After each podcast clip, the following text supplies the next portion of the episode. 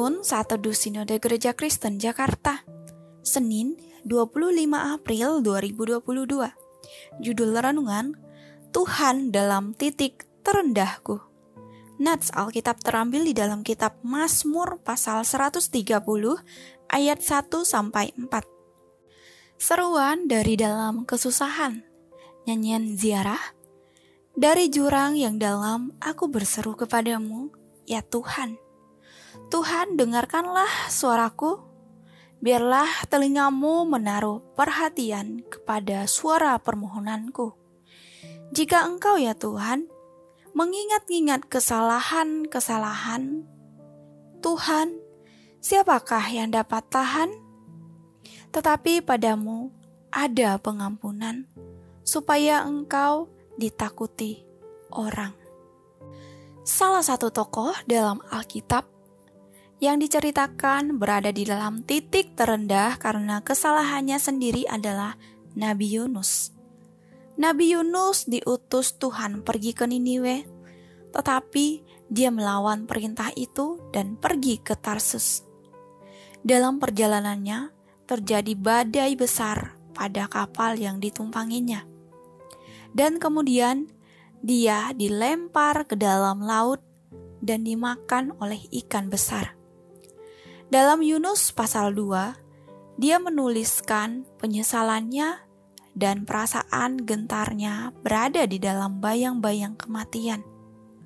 Dia merasakan penyesalan ketika berada di titik terendah dalam hidupnya karena kesalahannya sendiri. Perasaan yang sama juga dialami oleh Daud pada nats renungan hari ini. Hal ini terlihat dari kata jurang dalam terjemahan Alkitab bahasa Indonesia. Kata asli dari kata ini adalah ma'amak, yang lebih tepat diterjemahkan dengan berada di dalam titik terendah atau terendah atau tenggelam. Daud pada bagian ini mengalami perasaan tenggelam atau berada di dalam titik terendah dalam hidupnya. Dalam kehancuran dan penyesalan yang dalam, dia berkata, "Tuhan, dengarkanlah suaraku. Biarlah telingamu menaruh perhatian kepada suara permohonanku." Ayat 2.